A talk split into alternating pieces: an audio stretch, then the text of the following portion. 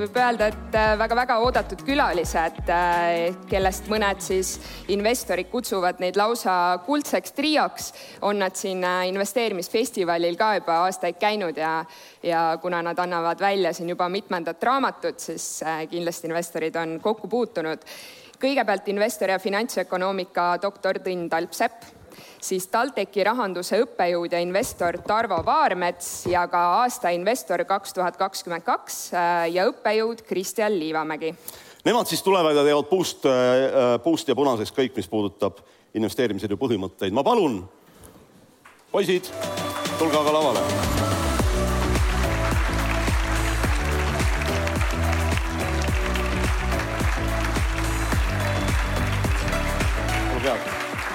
lava on teie.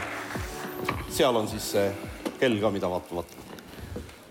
kakskümmend üheksa. ma tegelen. panen sinna.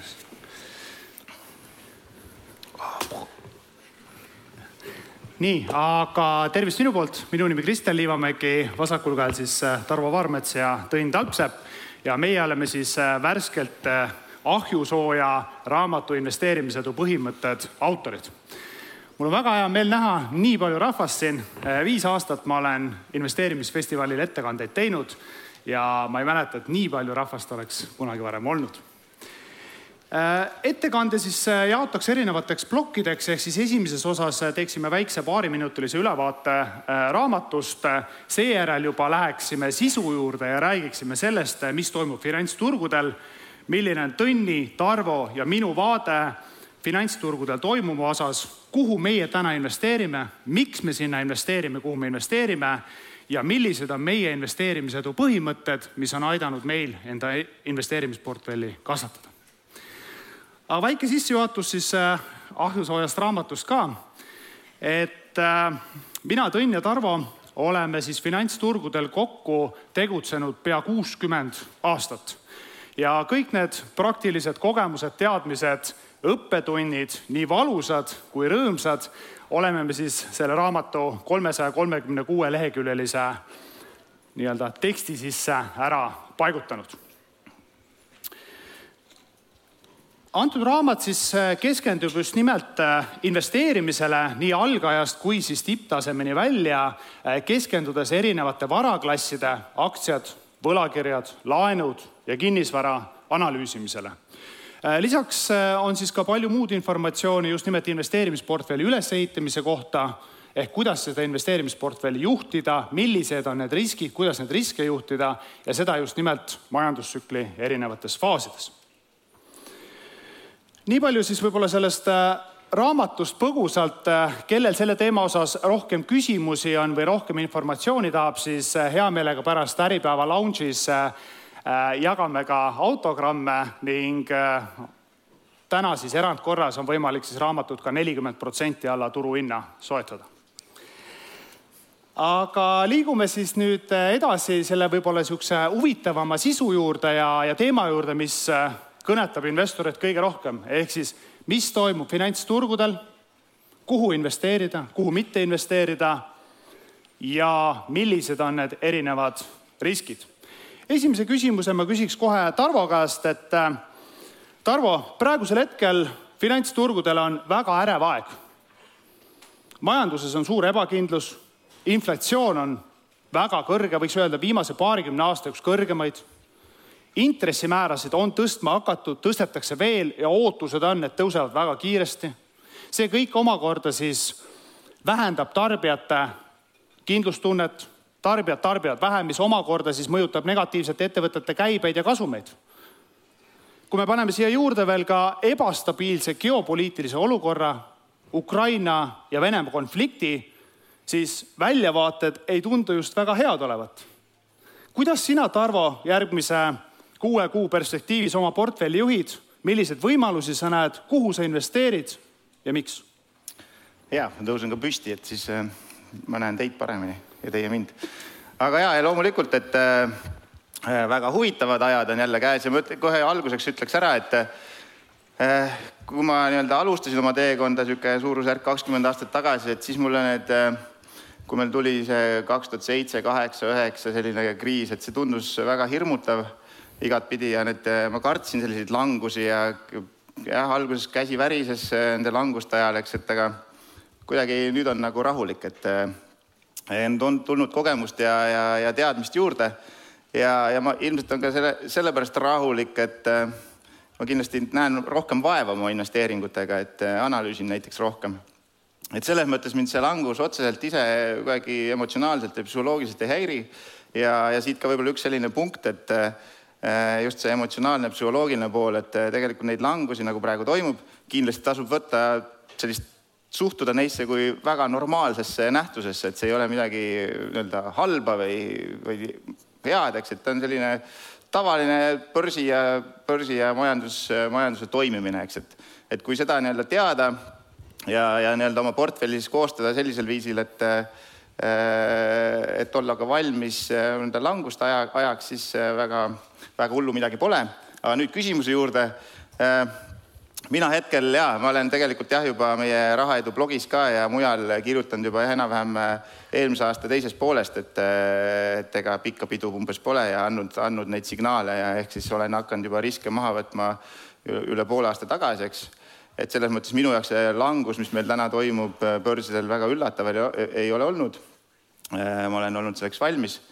Aga ma veel ei ole muutunud ikkagi piisavalt julgeks, et ma oleks hakanud ostma, ehk siis äh, ma ootan äh, ootan veel võib-olla natuke keerulisemaid aegu ja mul, mulle endale tunnetuslikult tundub, et äh, jah, kui Kristjan rääkis need makropildid ära, eks, et jah, et intressid tõusevad ja inflatsioon on kõrge ja see ongi tegelikult selline tüüpiline noh, tööpuudus näiteks hästi-hästi madal, siis et et need on tüüpiliselt sellise tõusufaasi lõpu, lõpunäitajad, eks, et äh, ja praegu minu hinnangul me seal umbes oleme, statistiliselt küll jah, meil on veel, äh, majandus tõuseb, aga, aga pigem ma ise ootan, et me näeme ka sellist majanduslangust, kas siis jah, kas siis selle aasta teises pooles või, või siis järgmise aasta jooksul, et et selles mõttes ma olen veidi pessimistlik, kuigi juba vaatad, et kahekümneprotsendiline USA börsilangus juba hakkab tekitama nii-öelda ütleme, normaliseerib neid hinnatasemeid minu jaoks, et äh, aga ma ootan veel natuke paremaid äh,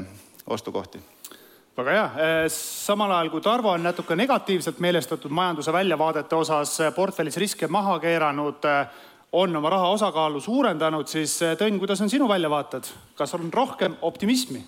ei ole mingit optimismi ju. ma ei tea, vaatasite reedel, mis turud tegid? ei teinud midagi head, mina olen veel negatiivsem kui Tarvo te tahate kindlasti saada mingit head retsepti, mul on teile kohe hea retsept. ostke siis, kui laiapõhjaline indeks on kukkunud kuuskümmend protsenti. see on lollikindel. kahjuks selliseid lollikindlaid situatsioone eriti ei teki, praegu on ainult kakskümmend protsenti kukkunud. noh, mina siis ootan kuutekümmet. Äh, reaalsus on see, et ma ükskord elus olen saanud turul põhjale pihta. Äh, see on umbes nagu äikese löögiga saaks pihta. ma ei arva, et ma kunagi enam saan pihta. seetõttu ma igaks juhuks olen investeeritud järsku tõuseb, aga ma ootan langust ja meie, meie raamatus näiteks on äh, selline, kui me läheme sinna lollikilde valemi juurde, et toodud meil ilus joonis, et, et kui turg on umbes kukkunud kakskümmend viis, kolmkümmend protsenti, et noh, see on niisugune näitlik, eks, et, et siis võiks juba hakata natuke ostma ja kui veel kukub, siis osta veel rohkem, eks, et ja no. mul on selle kohta ka kohe lugu, et eelmine kord, kui ma sain äh, turulangusele pihta, siis äh, langusele sain ma pihta niimoodi, et näiteks äh, ostsime Citipanka siis, kui ta oli kukkunud kaheksakümmend protsenti tipust. Citipank tuleb kuidagi tuttav ette. ma arvan, et mõningatel tuleb. mis te arvate, palju ta edasi kukkus siis, kui ta oli kaheksakümmend ära kukkunud? veel üheksakümmend, jah. nii et kui ostate üksikaktsiaid, olge selleks valmis. siis turu äh, põhjale ma sain niimoodi pihta, et äh, sel päeval, kui äh, turg oli kõige madalamal, USA turul oli hind, hinnad juba noh, nii madalad siis ma otsustasin kõik ära müüa, mis ma sinnamaani olen kokku ostnud.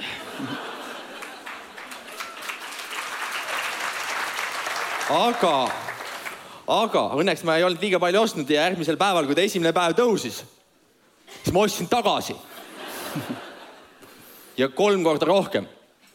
ja see on mu elu kõige parem investeerimisotsus, mis on olnud siiamaani ja ma arvan, et ma mitte kunagi enam ei tee ühtegi nii head investeerimisotsust, nii et noh, et minust, minu käest ei ole enam mõtet nõu küsida, onju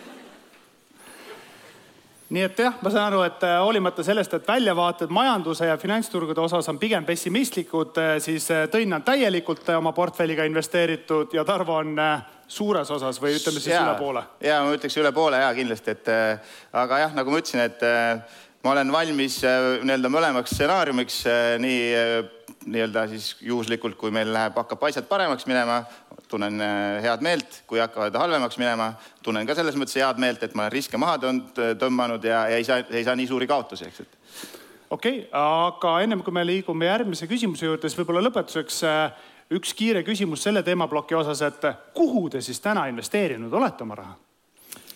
Tõin. nii, äh, noh, kus ma siis ikka investeerin, indeksisse investeerin ja siis ma ostan häid aktsiaid muidugi. Äh, ja noh, ma pean tunnistama, et ma olen osad head aktsiad sunnitud olnud maha müüma, sellepärast et äh, noh, ajad on ju halvad, et head asju saab ka odavamalt osta, nii et, et noh, üldiselt, mis ma olen teinud, olen oma portfelli riskitaset maha võtnud ma pean tunnistama kahetsusega, et noh, igasugused Nasdaqi radioaktiivne kraam on juba ammu maha müüdud.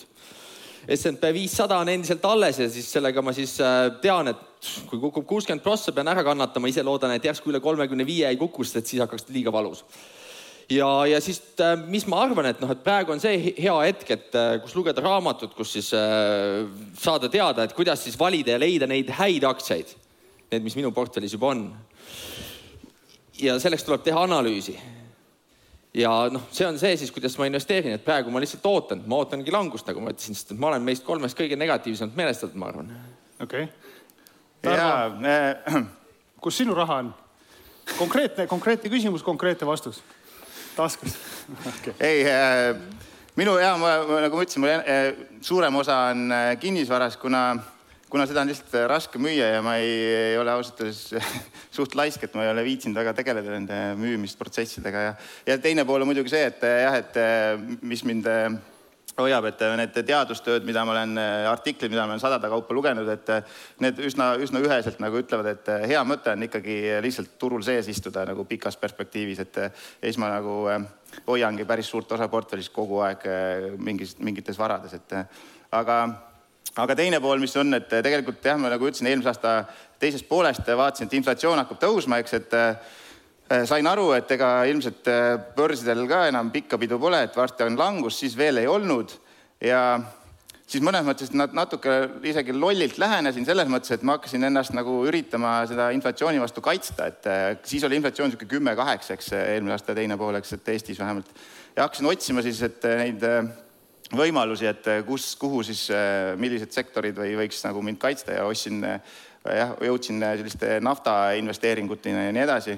Aga ausalt öeldes mulle tundub, et veel, veel hullem on see olukord, et kui on inflatsioon kõrge ja aktsia ka kukub, et, et siis on nagu veel valusam, et selles mõttes ma olen lõpuks jõudnud sinna, et, et ma isegi, isegi kui see inflatsioon mu ostujõudu sööb, et siis täitsa tore on ka konto peal ikkagi mingit osa rahast hoida Äh, ja siis mõelda, et äh, lihtsalt ennast lohutada, et, äh, et kui mul see aktsiat, aktsiaturul oleks, siis kukuks veel rohkem, et. okei okay.. Kui Tõnn ja Tarvo on väga negatiivselt meelestatud turgude osas, siis võib-olla ma presenteeriks niisuguse alternatiivse stsenaariumi selleks, et väikest intriigi ka tekitada, sest muidu sõnum on võib-olla natuke liiga lihtne ja ühekoeline ma ei hinda seda baasstsenaariumiks, aga ma annaks tõenäosuse umbes kümme, kakskümmend protsenti järgnevale stsenaariumile. Äh, ja nägemus oleks järgnev. Olukorras, kus äh, inflatsioon tänasel hetkel on väga kiire, aga eelmise aasta teise pooles, teises pooles hakkas inflatsioon kiirelt kasvama, siis tänu kõrgele võrdlusbaasile inflatsioon selle aasta teises pooles näitab taandumise märke puhtstatistiliselt mis saadab keskpankadele signaali, inflatsioon on näiliselt kontrolli all.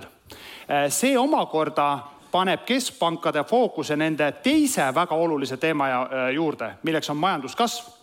Kuna mingites kvartalis majanduskasv asendub majanduslangusega, tekib keskpankadel hirm, et nad ei suuda majanduskasvu enam stimuleerida piisavalt ja kogu see karm rahapoliitika, mida praegu aetakse, pöördub ümber rahamasinad lähevad uuesti tööle, intressimäärasid hakatakse alandama ja finantsturud rallivad nii, nagu homset ei oleks. selline mõte siia.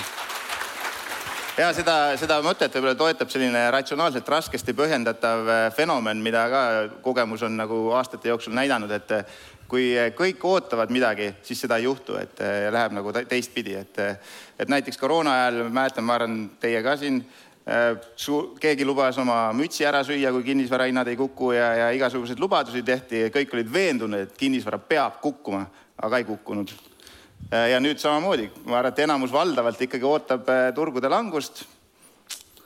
aga tavaliselt tihtipeale juht läheb teistmoodi, aga jah. ehk siis lihtsas maakeeles, samal ajal kui Tarvo istub rahas, siis on äh, õige aeg minna turgudele, sest kõik teised istuvad ka rahas ja ootavad seda langust, mida tegelikult võib-olla ei tulegi enam. aga seda on veel kord ratsionaalselt raske põhjendada, ma ei tea, kuidas, miks see fenomen niimoodi töötab, et ma sellest võib-olla Tõnn on targem mees, oskab kuidagi. muidugi noh, ma tean, et Kristjanil on sada protsenti õigus aga see kõik juhtub täiesti kindlasti täpselt nii, nagu Kristjan ütles, aga aasta või poolteist hiljem. no näed siis okei okay,, äh, nii palju siis võib-olla finantsturgude ülevaatest, et ma usun, et äh, me tänase äh, päeva jooksul jõuame ka neid teemasid veel rohkem lahata väiksemates gruppides ja privaatsemalt. liiguks järgmise suurema teemaploki juurde ja küsiks teilt, et mis on üks oluline investeerimispõhimõte, mis on teil pikaajaliselt turgudel aidanud edu saavutada? Tarvo tegelikult, kui nii-öelda ridade vahelt lugeda, siis ma juba ütlesin selle põhi, põhimõtte natuke ära selles mõttes, et eh, üks minu niisugune põhimõte ongi see, et eh, olla kogu aeg investeeritud, siis eh, lihtsalt küsimus selle, selles, et kui, kui, kui suurelt või kui agressiivselt, eks, et see on üks, ma arvan, põhilisi põhimõtteid, olla investeeritud ja, ja siis pikaajaliselt, ehk siis ongi see, et hästi, seda statistikast on ka nagu mõnes mõttes natuke kurb vaadata, et, et kui meil on selline kõige, kõige halvem investeerimisaeg, ehk siis eh, Eesti mõistes see oli selline eelmise aasta sügis on ju, hipodroomi teemad ja pensionirahad tulid ja, ja tegelikult noh, tegelikult oli ju siis kõige halvem aeg investeerida, eks. aga miskipärast kõige rohkem inimesi siis investeeris, et eh, miks see, miks see nii on, eks, et äh, ehk siis jaa, et äh, tasub äh, minu, minu jaoks tasub olla kogu aeg ja pikaajaliselt, äh, pikaajaliselt rahas või tähendab mitte rahas, vaid investeeritud. ja, ja need väiksed langused, need on normaalne osa, need mööduvad ja turg hakkab ilmselt mingi, mingi hetk või noh, täiesti kindlasti võib öelda, see on võib-olla see koht, kus saab öelda et, et sada protsenti kindlust, no teeme üheksakümmend üheksa koma üheksa igaks juhuks, aga hakkab kindlasti mingi hetk jälle tõusma, eks, et, et see on üks, üks põhiline põhimõtteid ja teise ma tooks ka veel võib-olla ära, et mis ka nii-öelda muutunud eh, minu algusaegadega, algusaegadel võib-olla oli sellist eh, emotsionaalsust mul oluliselt rohkem. Ma arvan, et paljud algajad, kes oma tehingud on teinud või mõtlevad või on, praegu teevad või siis ka võib-olla nii-öelda kõnetab seda, et ega väga palju sellise analüüsi peale ei, ei panustata või ei ole panustatud ja ma arvan, et see eelmise aasta teine pool oli umbes täpselt see olukord, kus sõbrad rääkisid ja naabrimees rääkis ja kui Boltiga linna vahel sõitsid, siis isegi Bolti juht rääkis, et, et jube hea on investeerida ja, ja Bitcoin on lahe ja kõik on nagu äge, et, et telekast näidati meile igast rahasaateid veel ja, ja noh, elu käis ikka, vägev oli ja, ja meil Kristjanil on ka üks hea lugu selle kohta, et kuidas, kuidas ta sai tore. aga eks ma, ma lõp, lõpetan, lõpetan äh,. ja okei okay,, ei lõpeta, ütlesin jah no me viskasime natuke nalja ka, et kuidas siis äh, tabada turu tippu ja minu jaoks võib-olla sihuke väga tugev signaal turu tipu puhul oli siis see, et äh, mingi hetk TV3 palus äh, teha väikese saatelõigu, et kümme kõige põletavamat küsimust investeerimise kohta. Noh, ma ütlesin okei okay,, et küsiti need küsimused ära ja kui ma küsisin, et mis saated siis veel ennem tehtud on ja pandi siis üles sinna kodulehele need saated, siis seal oli kolm saadet ja nad ütlesid, et rahvast kõige rohkem huvitavad need teemad. esimene oli seks Epuga, põhimõtteliselt eh, Epu saade siis. see oli natuke provotseerivalt eelmise või eelmine eilse ettekande jätkuks. Äh, teine oli ilusüstid. ja kolmas oli investeerimine ja, ja kui sa vaatasid seda kombinatsiooni, siis äh, noh, Tarvo ütles, et raami ära, see on turu tipp. Screenshot Taga... ja raami ära, onju. jah ja, ja tagantjärgi võib öelda, et äh, umbes täpselt siis äh, turutipp äh, ka oli. TV3 enam küsimusi ei küsi, saateid teha ei taha. noh, võiks öelda, et oleme jõudmas turu põhjale lähedale. aga Tõnn, sinu investeerimispõhimõtted? minu investeerimispõhimõte on see, et tõsta enda edu tõenäosust. kõlab väga akadeemiliselt, sest no me tuleme akadeemiast. mis see tähendab? Tähendabki seda, et teha igasuguseid erinevaid väikeseid samme, mis kasvõi ühe protsendipunkti võrra tõstavad selle investeeringu edukuse tõenäosust. teen äh, siin äh, dividendi diskonteerimise mudeli ära. väga lihtne, on ju? väga lihtne. kas ma, tuleb hea investeering selle tulemusele? tingimata mitte, aga mu edu tõenäosus natukene kasvab. teen keerulisema vaba rahavoo diskonteerimise mudeli ära saan juba kaks protsendipunktikest juurde, võrdlen veel suhtarve, vaatan, äh, millises majandustsükli faasis oleme. kõik annavad teatud tõenäosust juurde. see on sarnane nagu tippspordis, et tippsportlased peavad ka mõtlema, et noh, kuidas ma saan üks või kaks protsenti oma tulemust parandada. ja noh, mis nad siis teevad? teevadki neid kõiki tegevusi. kas investor peab olema nagu tippsportlane?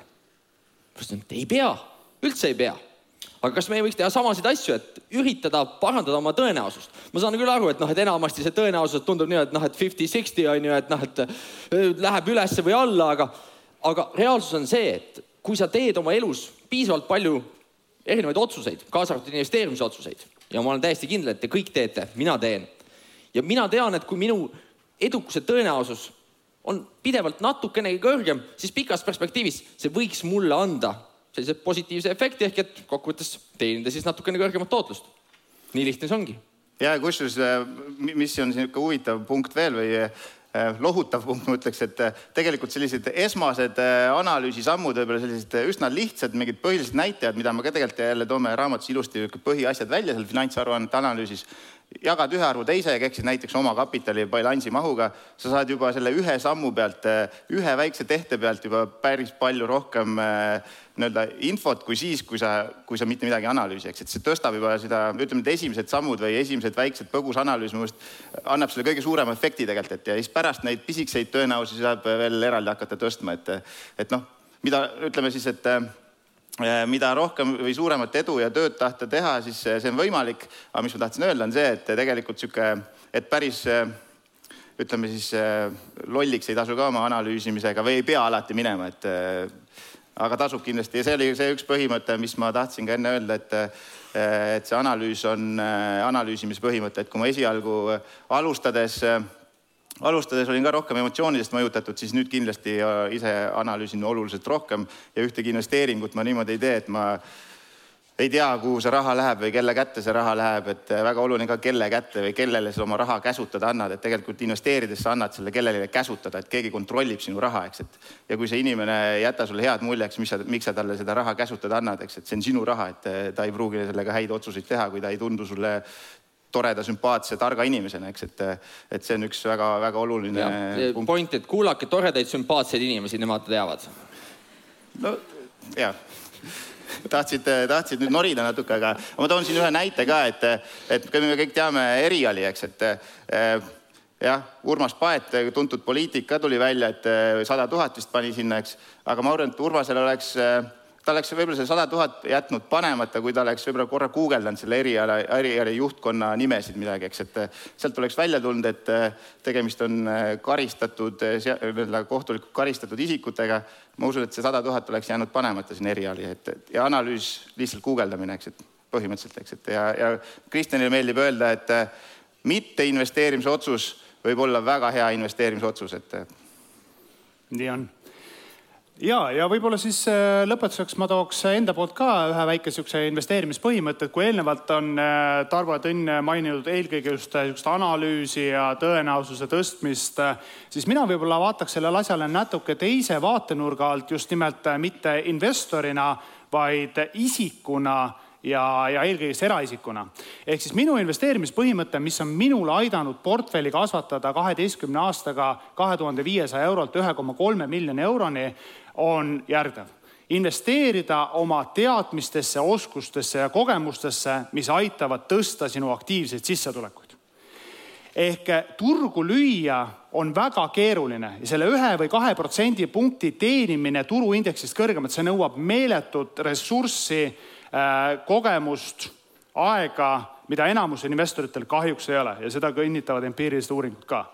minu hinnangul palju lihtsam ja ütleks niimoodi, efektiivsem ja tulemuslikum on keskenduda oma sissetulekute suurendamisele ehk õppige ära mingi uus oskus, omandage uued teadmised, mis loovad lisandväärtust teie tööandjale, teie klientidele, läbi mille teil on võimalik eh, siis seda sissetulekut suurendada. see läbi selle te suurendate oma säästumäära, netosäästumäära ja suunate rohkem portfelli ja vot seal see liitintress juba teeb teie eest töö ära. Nii et eh, minu sõnum on lihtne, investeerige endasse ja siis tuleb lõpuks. mulle tundub, Kristjan, et äh, sa oled selles mõttes natuke valel laval või ajad sassi, et niisugune Tööandjate Keskliidu laval oleks olnud okei koht, et, et rääkida seda, kuidas, kuidas ennast rohkem töö, kuidas rohkem palka saada ja, ja kuidas rohkem töökohti endale võtta ja. no see ettekanne on teisipäeval, eks ma siis natuke harjutan selleks okay.. aga ja, ja selles mõttes ma veel tahtsin Kristjanile jah me oleme sellel teemal nagu arutanud, et äh, lihtsalt äh, lühidalt, et tegelikult eks see igaühe jaoks on äh, oma see tasakaalupunkt, eks, et kes, kes ta hindab rohkem sellist töö tegemist ja kes võib-olla rohkem vaba aega ja erinevad periooditi võib see, võib see olla ja nii edasi, et aga no mis minul samamoodi, mis läheb sellega kokku, eks on see, et mina olen tugevalt panustanud oma haridusse ja, ja selles mõttes see läheb sama põhimõtted kokku, et Äh, et see on aidanud mulle näiteks tõesti saada selgelt üle Eesti keskmise palka ja mis omakorda ju on selgelt kiirendanud äh, nii-öelda portfelli ülesehitamist, sest noh, kõik need esimesed äh, säästud, nii-öelda nullist alustamine ju noh, on väga-väga keeruline sealt kuhugi jõuda on ju väga-väga aeglane ja keeruline, aga kui sul seal alguspunktis tuleb rohkem raha peale kui, kui võrreldes võib-olla keskmise inimesega, siis noh, tegelikult sul see pall hakkab palju kiiremini ka veerema, et selles mõttes Kristjaniga nõus, jah. Tarvo natuke hoiab tagasi, tavaliselt meil on need diskussioonid läinud väga niisuguseks pikaks ja ütleks või intrigeerivaks. Tarvo lihtsalt üritab välja vabandada seda, et tema tudengieas veetis väga palju aega pubides, samal ajal kui mina tegin väga palju tööd. ja sellest tulenevalt on ka tema mõte olnud see, et ärge tehke palju tööd, nautige elu, mis on yeah. väga õige aga noh, siis ühel hetkel see peegeldub seal siis selles portfellis ka ja nüüd mul on aga, aga ma ütleks, ütleks siis niipidi, et nüüd mul on päris palju sõpru, kes mind kutsuvad igale poole ja mul on päris tore elu. no näed, ütleme niimoodi, et siin on tark joon alla tõmmata, sest muidu läheb väga valusaks see diskussioon jah, äh, ma vaatan, meil hakkab äh, aeg tasapisi otsa saama, nii et hea meelega siis äh, liigume tasapisi teie küsimuste juurde. aga ma arvan, et seda intrigeerivat vestlust töö ja vaba aja vahel me võime jätkata hiljem ka siis Äripäeva lounge'is, kus meil on plaanis peale seda ettekannet siis väikene ütleme niimoodi raamatute allkirjastamise üritused, kes tahab meiega äh, privaatsemalt natuke vestelda, küsida meie nägemusi äh, võib-olla kinnisvaraturu osas, võlakirjaturu osas ja miks mitte ka eraelu osas, siis olete oodatud Äripäeva lounge'i, seal saab täna erandkorras nelikümmend protsenti soodsamalt seda raamatut soetada. Tarvo lubas, et ta paneb autogrammid ka ja kirjutab pühendused. nii et jah, olete kõik siis oodatud sinna aitäh.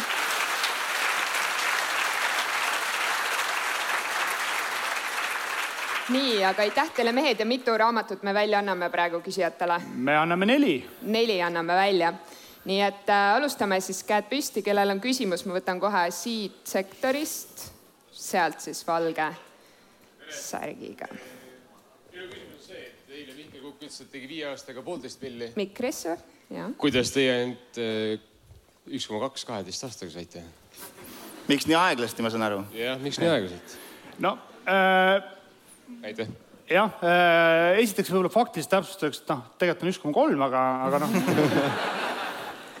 aga ma ei äh,, ma nüüd ei äh, tea täpselt, äh, kuidas äh, Mihkel oma portfelli varasid arvutab, aga ma eeldan, et tegemist on brutoportfelliga ehk sealt ei ole laenud maha arvestatud. ehk noh, ütleb, ma Mihkli ees sügav kummardus, see on väga kõva töö, mis ta tegi ja, ja eks ma pärast pean tema käest konsultatsiooni võtma. Äh, ja muidugi Tarvo, noh jah, äh, et kuidas see asi käib. aga, aga jah, et kui me räägime netoportfellist, siis äh, need on väga võrrelda, ütleme väga erinevad suurused selles kontekstis, et a la kui ma lähen lihtsalt panka sisse, ütlen, andke mulle kümme miljoni või andke mulle kümme miljonit kinnisvara tagatisel laenu, siis ühtäkki mul on kümme miljonit vara, aga tegelikult mul netovara kümme miljonit ei ole, netovara mul võib olla isegi lausa negatiivne nii et äh, aga eks me kooskõlastame pärast Mihkliga selle teema. ja, ja oma vabanduseks ma võin öelda, et eks, eks ma käisin ka ülikooli ajal siis natuke pubides ka nii, võtame nüüd sealt tagantpoolt. ja käsi, ainuke käsi on püsti seal Nurmel. jah, võid püsti tõusta. kohe tuleb mikker. Ja tervist, Tõnnile väike küsimus, et äh, sa oled hea indikaator turu põhjaks, kas saab kuidagi subscribe ida sellele, millal sa müüd? ja ma arvan, et ma tee, avan selle teenuse jah, et äh, kaheksa eurot kuus, ma võin enne juba öelda hinna. ja, ja siis äh, ma annan seal äh, kanalis siis täpselt teada, et kus on see kõige piinlikum hetk, et kus ma olen nagu noh, nagu tunnen ennast nii kehvasti, et ma müüsin kõik maha. See on väga odav ju. ma panen... ma arvan ka, et see on täiesti soodus, et ma loodan, et vähemalt tuhat tuleb ära subscriber'it, et näed, muidu noh, alla selle ma ei, et noh, ühesõnaga andke teada, siis ma panen teid selle eellisti ja kui see tuhat tuleb täis, et no siis ma avan teenuse selge. ja okei okay,, sain vastuse, aitäh. nii, ma näppan siit äh, veel jah, paar raamatut ma, kui, kui vähegi võimalik, siis ma võtaks ühe küsimuse sealt tagant, et kuna okay. tegemist on ikkagi Kristjani minu valikul. tudengiga ja, ja lõpu, lõputööd juhendasin ka, et siis äh, alati on huvitav neid küsimusi. ei saanud siis piisavalt räägitud omavahel või? ja ma väga-väga tahaks teie raamatut tegelikult aga õnneks mul on küsimus ka, et äh, Tõnn mainis, et ta siin vahepeal müüs Nasdaq sada, aga ma küsiksin, et äh, mis on teie kõige suuremad äh, likvideerimistehingud olnud siin viimase aja jooksul? Mina, mina mingil hetkel hakkasin näiteks saunumit kõvasti müüma. ma arvan, et see on olnud üks, üks selline väljatulek mul, mis mul kohe meelde tuleb, aga see oli juba mõnda aega tagasi, et õnneks natuke varem kui, kui täna või eile. Mina võin ausalt öelda, müüsin, äh, mis siis oli, jah, selle nädala alguses äh, Cleveron Mobility't kümne tuhande euro eest, aktsiad, mis mulle siis Cleveronist nii-öelda jagunemisest tulid üle. Äh, põhjusele mitte võib-olla selles, et see ettevõte nii tingimata väga halb on, aga põhjus on pigem selles, et ma hea meelega konsolideerin iduettevõtted nii-öelda niisugune süstemaatiliselt kokku ja suunan selle raha pigem siis äh, ütleme nii-öelda super angeli fondi kaudu äh, Äh, iduinvesteeringutesse, kus siis see hajutatavus on parem, professionaalsem juhtimine ja, ja see seeläbi jah, saan nii-öelda niisuguse parema ja terviklikuma pildi just nimelt iduettevõtetesse investeerimisel. Tõnn, ma saan aru, midagi Tõnn, müünud ei ole. Nasdaq sada, Nasdaq sada juba. aga siit, äh, siit võib-olla ma proovin mingit järeldust tõmmata, et, et tundub, et me mõlemad oleme läinud selliste, ma ütleks siis äh, kõrgema riskiga Äh, investeeringute kallale esimesena või, või siis, no ütleme viimasel ajal selline pigem ja võib-olla noh, see Cleveron võiks ikkagi hinnata ka, eks, kõrge riskiga ja minu Saunum ka kõrge riskiga, eks, et, et ilmselt see on ka üks äh, mõte, mida, mida teha, eks, äh, kui ikkagi on halvad ajad, sest et selge see, et sellised kõrge riskiga asjad kukuvad ka oluliselt rohkem kui, kui näiteks Enefit või, või Tallinna Vesi võib-olla, eks. jah, see on üks võimalus sedasama asja siis vaadata teise nurga alt nii ja viimane küsimus äh,. jah, võtame sealt. jah, teie. Äh, küsimus Kristjanile, et äh, jaanuaris investor Toomase konverentsil sa rääkisid oma ideedest, et mis sa plaanid sel aastal portfellis ümber teha, millised muudatused et noh, nüüd on pool aastat läinud, kuidas sul äh, läinud on nende ideede realiseerimisega, et kas on mingeid äh, otsuseid, mis sa oled teinud, kus sa nüüd nagu tagantjärgi mõtled, et äh, väga õige ajastus, patsutad endale õlale, et hästi tehtud? jah, no poole aasta jooksul ma ütleme niimoodi, et olen jätkanud nende ideedega, mis seal on, ehk siis sellel hetkel käisin, vähemalt hõikasin välja sellise ettevõtte nagu Ignitis Gruppe energiasektorist Äh, jätkuvalt äh, olen positiivselt meelestatud selle ettevõtte osas, olen selle ettevõtte aktsiaid juurde ostnud, minu hinnangul tegemist on tugeva rahavooga, positiiv, positiivse rahavooga alla raamatupidamislikul väärtust sisuliselt monopoolses sektoris monopoolne ettevõte, mille tulud ja kasumid on reguleeritud, mis maksab korralikke dividende ja mille väljavaated kõrge elektri hinna puhul on suhteliselt optimistlikud ja mida turg minu hinnangul ei arvesta korrektselt sellesse hetke aktsiahinde sisse. Nii et äh, seda, seda ideed, mis ma seal presenteerisin, seda ma olen ka jätkuvalt äh, nii-öelda siis realiseerinud, ehk siis äh, neid positsioone juurde ostnud.